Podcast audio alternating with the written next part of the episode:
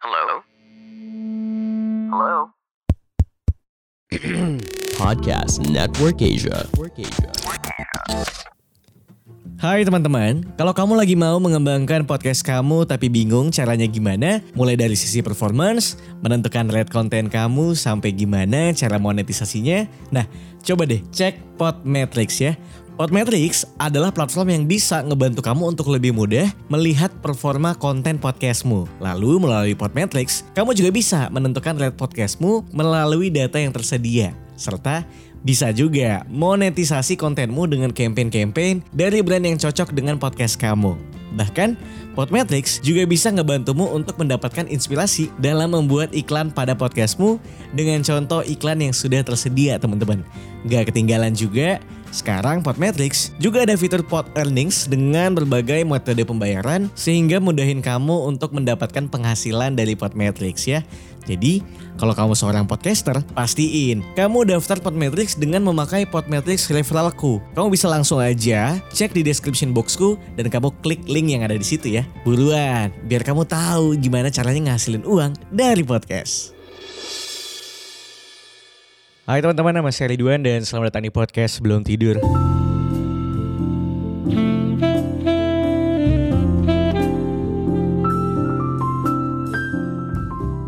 Selamat pagi, siang, sore, malam semuanya buat kamu yang lagi mendengarkan ini kapan pun. Mudah-mudahan dan semoga selalu sehat walafiat di dalam situasi dan kondisi apa pun. Kesehatan mental lo itu yang harus perlu diperhatikan. Mudah-mudahan tetap selalu sehat. Keuangan juga semoga sehat walafiat dan terutama kabar yang masih menjadi kabar yang baik di mana kondisi COVID di Indonesia saat ini masih cukup membaik walaupun berita Omikron masih di mana-mana. Tapi gue harap lo masih tetap terus sehat walafiat ya. And anyway, senang sekali di episode kali ini teman-teman menuju 2022 um, podcast sebelum tidur sudah bisa kamu nikmati di YouTube juga di channel gue Ridwan Handoko. Um, feel free kalau lo pengen mampir untuk melihat visualnya lo bisa langsung lihat di sana. Kalau lo lebih nyaman mendengarkan melalui Spotify juga boleh juga sih. Gimana enaknya lo aja, oke? Okay? Um, episode kali ini aku teman-teman, episode kali ini teman-teman, um, aku pengen membicarakan tentang terbiasa sendiri. Berangkat dari aku yang akhirnya throwback lagi menuju akhir tahun tuh nggak tahu kenapa bawaannya pengen mengingat apa aja yang sudah dilewatin. Jadi mungkin selama beberapa episode menuju pergantian tahun, aku akan lebih banyak bernostalgia.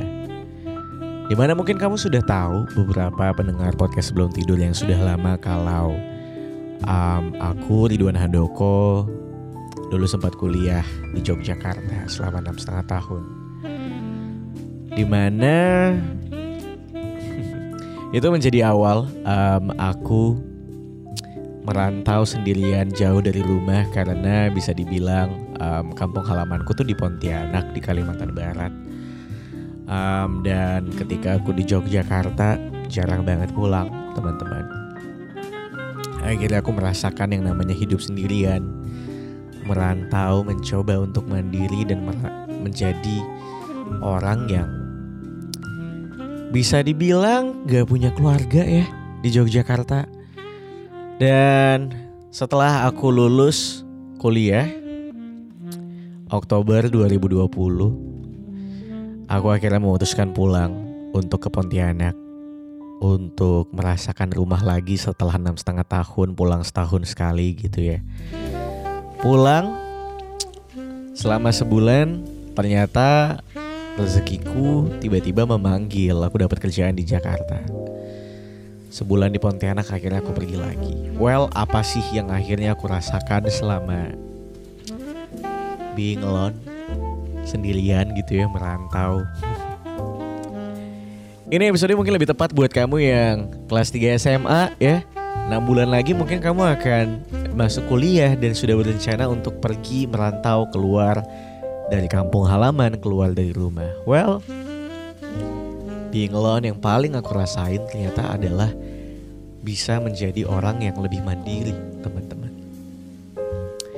pergi jauh dari rumah dan sendirian walaupun nggak nggak bisa dibilang sendirian banget ya aku punya teman punya sahabat dekat juga dari tahun 2014 berarti sudah sekitar tujuh tahun um, aku pergi dari rumah menjalani kehidupanku di kosan sendirian aku tahu mungkin ada banyak yang lebih berat dibanding aku hidupnya but please aku cuma pengen share um, apa saja yang sudah aku lewati selama tujuh tahun kebelakangan dengan menjadi orang yang terbiasa sendiri.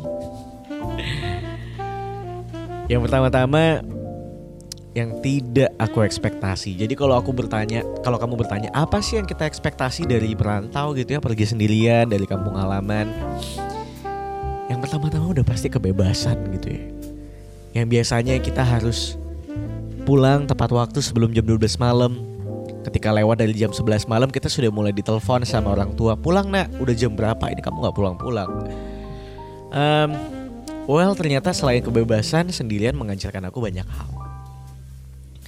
Pertama-tama dimulai dengan um, yang biasanya kalau masuk SMP, masuk SMA apa-apa diurusin administrasinya dan sebagainya. Beberapa orang mungkin kayak diurusin sama orang tuanya atau sama kakaknya. Kuliah aku bisa melihat ada beberapa mahasiswa yang waktu datang dianterin sama orang tuanya dianterin sama kakaknya. Well aku berangkat sendirian sama Atar Alihwan partnerku juga uh, mengurus administrasi kuliah sendiri. Dan yang paling terasa adalah waktu awal-awal merantau, waktu awal-awal kuliah, yang biasanya kalau kita bangun pagi sudah ada suara ibu lagi masak di dapur, kericing, kericing, kericing. Kadang-kadang dia teriak manggilin suruh beli cabai ke warung. Yang paling kerasa adalah bangun pagi di ruangan sempit gitu ya keluar-keluar udah lorong kosan tidak ada makanan yang disiapin di meja makan karena bahkan meja makan pun gak ada di kosan gitu terbiasa untuk mencari makanan sendiri. Pergi beli sarapan sendiri datang ke warteg datang ke warmindo beli sarapan sebelum berangkat kuliah. Atau bahkan kadang-kadang gak sarapan. Rasain yang namanya ya kalau makan datang ke tempat makan. Gak ada tuh yang namanya dipersiapin lagi makannya di rumah. Gak ada lagi men. Um, Aku juga mulai merasakan kalau di rumah tuh ya ada mesin cuci. Biasanya kita cuma tinggal taruh baju ke mesin cuci. Udah kelar. Ketika udah apa namanya pergi merantau sendirian Gak ada lagi tuh. Yang namanya datang ke uh, naruh pakaian kotor di mesin cuci nggak bisa men. Kita harus datang ke laundry nganter laundrynya atau mungkin kalau kosan mau eksklusif gitu ya kosan mahal udah datang. Udah ada yang ngurusin laundry kamu cuma tinggal taruh depan kamar udah ada yang ngurusin tuh. Nah tapi tidak tidak semuanya seperti itu teman-teman ketahuilah kadang beberapa orang ada yang miskin um, terbiasa mandiri ya akhirnya aku mulai biasa uh, mengurusi hidupku sendiri gitu tanpa bantuan orang lain. Selain itu juga yang akhirnya aku rasakan adalah kebebasan. Yang udah pasti sebenarnya kita cari teman-teman dari yang namanya merantau gitu. Um, pengen banget bisa merasakan pulang sebebasnya jam berapapun yang kita mau. Um, yang paling kerasa adalah aku bebas mau ke mana aja. Gak ada yang nanyain, gak ada yang nungguin. Mau pulang lewat dari jam 12 malam juga it's okay. Takut apa coba? Apa yang kita takutin? Mau datang ke klub, mau datang ke bar. Emang emang ada yang emang ketika pulang mabuk gitu emang ada yang kayak kamu habis dari mana? Gak ada. Bebas banget rasanya. Kamu mau kalau sekolah mungkin kayak nggak bisa tuh namanya bolos dari rumah nggak bisa pura-pura sakit tuh susah juga nggak bisa. Tapi kalau kuliah terserah kamu mau kuliah atau enggak. Itulah kenapa ada banyak yang lulusnya lama. Kalau saya mah bukan karena bolos ya, karena skripsi. Gak ada yang ngurusin mau masuk kuliah apa enggak, terserah kamu sebebasnya kamu. Bahkan yang paling menyenangkan ya kalau misalnya di rumah sering kali kadang-kadang ibu masak masakan yang kita nggak suka. um, let's say um, adikmu suka um, ikan, aku kan dulu nggak suka ikan ya. I don't know why nggak suka makan sayur juga gitu. Kita bebas mau makan apa aja teman-teman. Kamu bisa milih apa pun yang kamu. Hari ini aku mau makan ini, mau makan itu, mau makan gyukaku dua kali sehari juga. It's up to you. And then kamu juga bisa ngelakuin apa aja, bebas semaumu. Gak ada yang ngatur. Mau mabuk, terserah. Gak ada yang gak ada yang gak ada yang tahu kan. Maksudnya gak ada yang protek kamu. Mau bawa um, cewek ke kosan, gak ada yang tahu juga selain dirimu sama bapak penjaga kos yang baik apa enggak ini. Semuanya terserah kamu dan sebebas kamu teman-teman. Terasa menyenangkan memang ketika hidup gak ada beban, gak ada tanggung jawab, gak ada yang ngurusin. Dan kita hidup kayak gak ada pikiran aja. Jalanin apa yang pengen kamu jalanin. Kayak gitu. Aku masih ingat banget rasanya bahagia setiap saat karena um, awal-awal kuliah rumah di Pontianak, kuliah di Yogyakarta, kayak aku bisa melakukan apa aja yang pengen aku lakukan tanpa ada yang ngatur. Happy banget rasanya. Yang juga akhirnya aku rasakan ketika aku merantau adalah aku ngedapetin banyak hal yang baru, teman-teman. Hal-hal yang baru tuh apa aja? Of course yang namanya ketemu, maksudnya pergi ke tempat yang baru, kita pasti kayak ketemu hal-hal yang baru juga gitu. Um, menyenangkan rasanya ketika kita yang dulu terbiasa dengan lingkungan yang kecil yang kayak ibarat kata di Pontianak ya udah orangnya itu itu aja. Even kamu beda sekolah gitu ya. Misalnya kamu di kota kecil nih. Even kamu beda sekolah kamu tuh kayak udah kenal oh iya ini si ini ini si itu ini si ini si itu ini si kayak udah udah tahu. Terus ketika kamu datang ke tempat yang baru apalagi Yogyakarta kotanya pelajar gitu ya.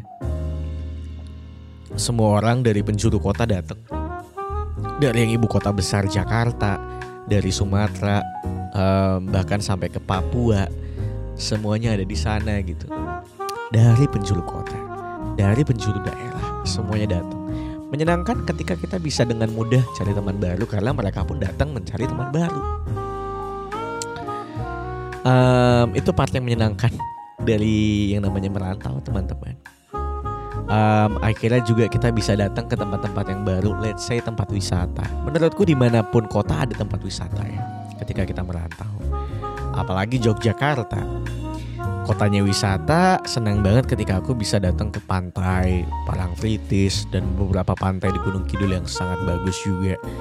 Um, atau mungkin wisata-wisata lainnya juga yang um, sebutlah hidden gem bahasa-bahasa yang sedang berseliweran ini um, bisa aku datengin. Um, selain itu juga aku bisa ngelakuin banyak hal yang baru. Beberapa hal baru yang akhirnya bisa aku lakukan di tempat yang baru ketika merantau. Menurutku ini adalah salah satu efek domino dari ketemu orang baru, ketemu cerita-cerita baru. Akhirnya kita jadi bisa ngelakuin banyak hal yang baru. Misalnya akhirnya di Yogyakarta, um, dulu waktu SMA aku pengen banget nge-MC cuma aku malu gitu. Aku tidak tahu aksesnya harus ke mana And then ketika di Jogja, oh ternyata aku bisa nge-MC. Oh ternyata aku bisa siaran. Um, aku ternyata bisa bikin um, aku tuh pernah bikin party planner kecil-kecilan gitu lah. Um, ngedekor-dekor tempat makan. Jadi kalau misalnya ada cara ulang tahun, kayak aku juga bisa bikin itu. Banyak hal yang bisa aku bikin. Um, selain itu, tentu aja ada banyak um, apa namanya pembelajaran dari segala hal yang baru yang akhirnya aku temukan um, pengalaman pun jadi semakin banyak selain pembelajaran ya. Menyenangkan sekali ketika kita punya pengalaman yang banyak, kita jadi ketemu hal-hal yang baru dan ternyata segala yang kita lakukan dari bentuk kebebasan, bentuk kemandirian yang tadi sudah aku sebut, sebutkan, ada yang namanya tanggung jawab. Yang ternyata tanggung jawab tuh banyak banget. Um, apa namanya teman-teman? Uh, anak-anakannya. Kayak um, akhirnya ada banyak yang um, akibat yang aku rasakan dari segala hal yang aku lakukan gitu. Akibatnya bukan hanya sekedar negatif positif juga ada. Salah satunya mungkin ya itu bisa mendapatkan pengalaman yang baru. Um, Tapi akibat-akibat negatif dari segala ekspektasi dan harapan yang sudah kita inginkan gitu ya waktu berangkat merantau yang tadinya pengen merasa bebas. Oh ternyata ada beberapa mata kuliahku yang nilai kuliahnya anjlok karena absen. karena ternyata ada beberapa hari aku nggak masuk. Terus akhirnya nilai kuliahnya anjlok. Akhirnya aku harus ngulang. Tapi sekali lagi ini tidak mengganggu kelulusanku telat ya. Um, terus juga karena nggak ada yang ngatur untuk harus pulang jam berapa aku sering sekali kadang-kadang dulu waktu era-eranya main werewolf teman-teman kalau kamu ingat eranya main werewolf aku sama teman-temanku tuh bisa main sampai jam 6 pagi. Padahal jam setengah 8 kuliah. Akhirnya badan rontok karena begadang kayak badan tuh jadi sakit-sakitan. Um, selain itu juga biasanya ya kita kalau di rumah nggak pernah peduli yang namanya bayar listrik. Ya dong karena yang bayar udah pasti orang tua.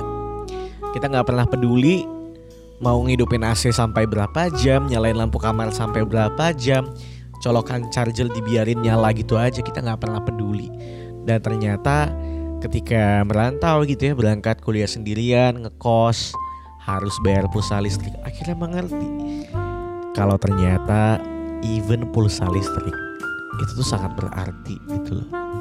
Ketika mati, uang lagi habis di akhir bulan, nggak bisa nyala, ya mati juga hidup kita kayak nggak bisa ngapa-ngapain. And then akhirnya aku juga mengerti, mungkin karena aku tinggal di Jogja, aku mengerti kalau 3000 perak tuh sebegitu berartinya untuk makan. Aku pernah kehabisan uang pas akhir bulan, posisinya kayak besok aku baru dikirimin uang lagi. Um, uangku udah tinggal kayak lima ribuan perak gitu. lima ribu apa tiga ribu perak. Itu pun udah tinggal receh. Tinggal koin-koinan dan itu udah malam hari aku udah lapar banget pengen banget makan. Cuma tinggal tiga ribu apa lima ribu perak akhirnya aku bisa pakai makan. Walaupun itu uang koin-koinan yang aku ambil dari dashboard motor motor Honda Beatku itu kan ada dashboard ya. Kayak uang-uang sisa recehan dari mana yang aku ambil aku pakai buat beli nasi kucing. Buat beli nasi kucing satu seribu lima ratus.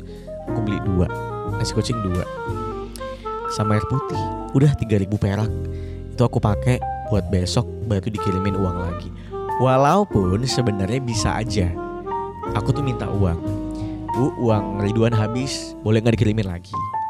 Tapi kadang-kadang ternyata ketika kamu hidup sendirian kamu tuh belajar untuk kayak ngerem ayo dong tahan. Gak usah minta uang dulu sampai um, waktunya memang sudah harus dikirimin lagi kadang-kadang tuh kita ada rasa untuk seperti itu teman-teman. Dan ini menyenangkan sebenarnya. Ya pahit-pahit menyenangkan lah. Akhirnya pahit-pahit yang jadi pembelajaran aja. Gitu. Um, akhirnya kita sadar kalau apa yang kita lakukan di kota di kampung kota orang gitu ya di kota perantauan kita adalah amanah. Akhirnya aku sadar waktu kuliahku udah agak lama, udah lima setengah tahun, enam tahun gitu kayak, well aku berangkat ke Yogyakarta sebenarnya buat apa sih kalau bukan menjadi um, sarjana gitu, menyelesaikan studi dan kuliah, menyelesaikan studi kuliahku. Akhirnya aku sadar kalau ini adalah sebuah anak amanah gitu. Untuk apa aku kuliah selama empat setengah selama lima tahun lebih ini tidak aku selesaikan akhirnya aku mulai ngerasa kayak well ternyata segala bentuk kebebasan yang tadi berakibat kayak akhirnya aku jadi molor. Um, tapi walaupun akhirnya aku sadar gitu kayak biar bagaimanapun ini harus aku selesaikan. Akhirnya aku selesaikan dengan nilai yang ya cukup memuaskan tidak jelek. Um, karena biar bagaimanapun ini adalah bentuk tanggung tanggung jawab kita dari orang tua yang sudah diamanahkan. Kita udah dibayarin uang kuliah, udah dibayarin uang makan, lima tahun untuk untuk kita bisa mendapatkan gelar, untuk kita bisa mendapatkan ilmu. Ketika itu tidak diselesaikan kan sangat disayangkan ya. So make sure ketika kamu nanti mau merantau atau bahkan kamu sekarang lagi merantau, selesaikanlah kuliahmu jangan sampai diputuskan. Oke. Okay. Yang terakhir yang juga aku rasakan ternyata adalah homesick. Kangen sama rumah. Sedih kadang-kadang zaman dulu waktu kuliah ketika kita nggak bisa pulang karena jauh. Karena aku tuh harus naik pesawat. Tiket pesawat tuh juga mahal ya. Um, kadang-kadang kalau misalnya pulang cuma semingguan tuh kayak sayang gitu apa nanti aja deh tunggu agak libur panjang baru pulang. Um, akhirnya ya sering kali ngerasa kesepian, ngerasa kangen sama masakan rumah yang kadang-kadang nggak kita pengen itu tapi kadang-kadang pengen aja. Kadang-kadang ngerasa kangen sama ramenya rumah. Um, kadang-kadang bahkan kangen untuk diomelin sama ibu untuk diingetin pulang. Ternyata itu juga kita rasakan. Tungguin deh. Mungkin yang lagi merantau udah mulai merasakan kangen, dimarahin untuk pulang dan sebagainya. Um, merasa empty, merasa kosong. Gak punya siapa-siapa, gak punya saudara. Teman tuh menurutku hanya sebatas playground.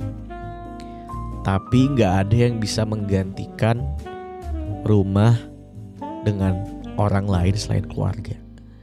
Dan ketika kita nggak punya rumah di kota halaman orang, rumah alias safe place ya, tempat di mana kita bisa merasa pulang, nyaman, bisa mengistirahatkan segala keluh kisah keluh kesah kita dengan nyaman. Um, itu menyebalkan. Kosan tuh hanya tempat persinggahan gitu loh. Dan kadang-kadang video call pun nggak bisa dijadikan jawaban untuk bisa merasa pulang. Karena kayak ya udah video call hanya sebatas video call. Sisanya kita tidak akan pernah bisa merasakan suasana. Gak tau kenapa ternyata tuh suasana juga bisa dikangenin. So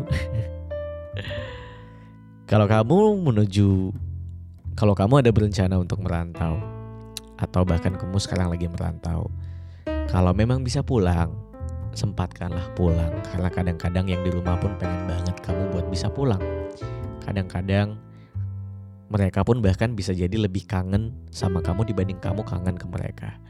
Um, tapi nggak apa-apa. Kalau memang belum bisa pulang, bersabarlah dulu. Aku tahu beberapa orang um, tidak semuanya bisa selalu pulang.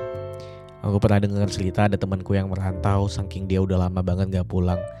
Ada yang dua tahun nggak pulang, tiga tahun nggak pulang.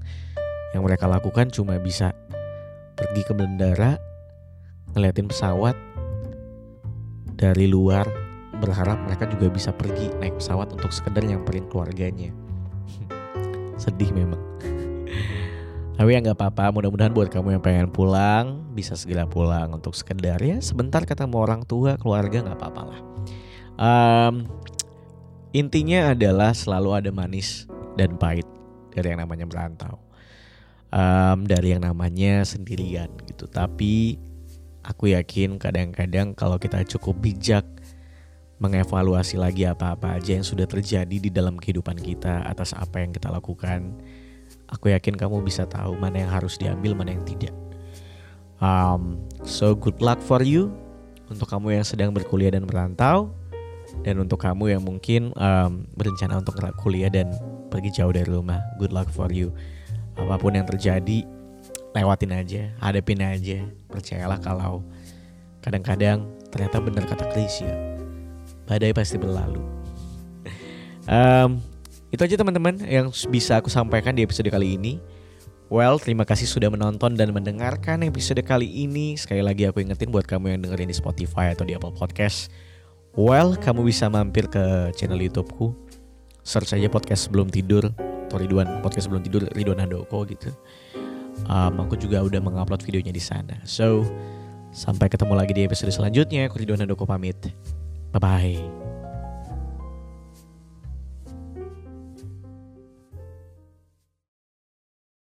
Pandangan dan opini yang disampaikan oleh kreator podcast, host, dan tamu tidak mencerminkan kebijakan resmi dan bagian dari podcast Network Asia. Setiap konten yang disampaikan mereka di dalam podcast adalah opini mereka sendiri dan tidak bermaksud untuk merugikan agama, grup etnik, perkumpulan, organisasi, perusahaan, perorangan, atau siapa pun dan apa pun.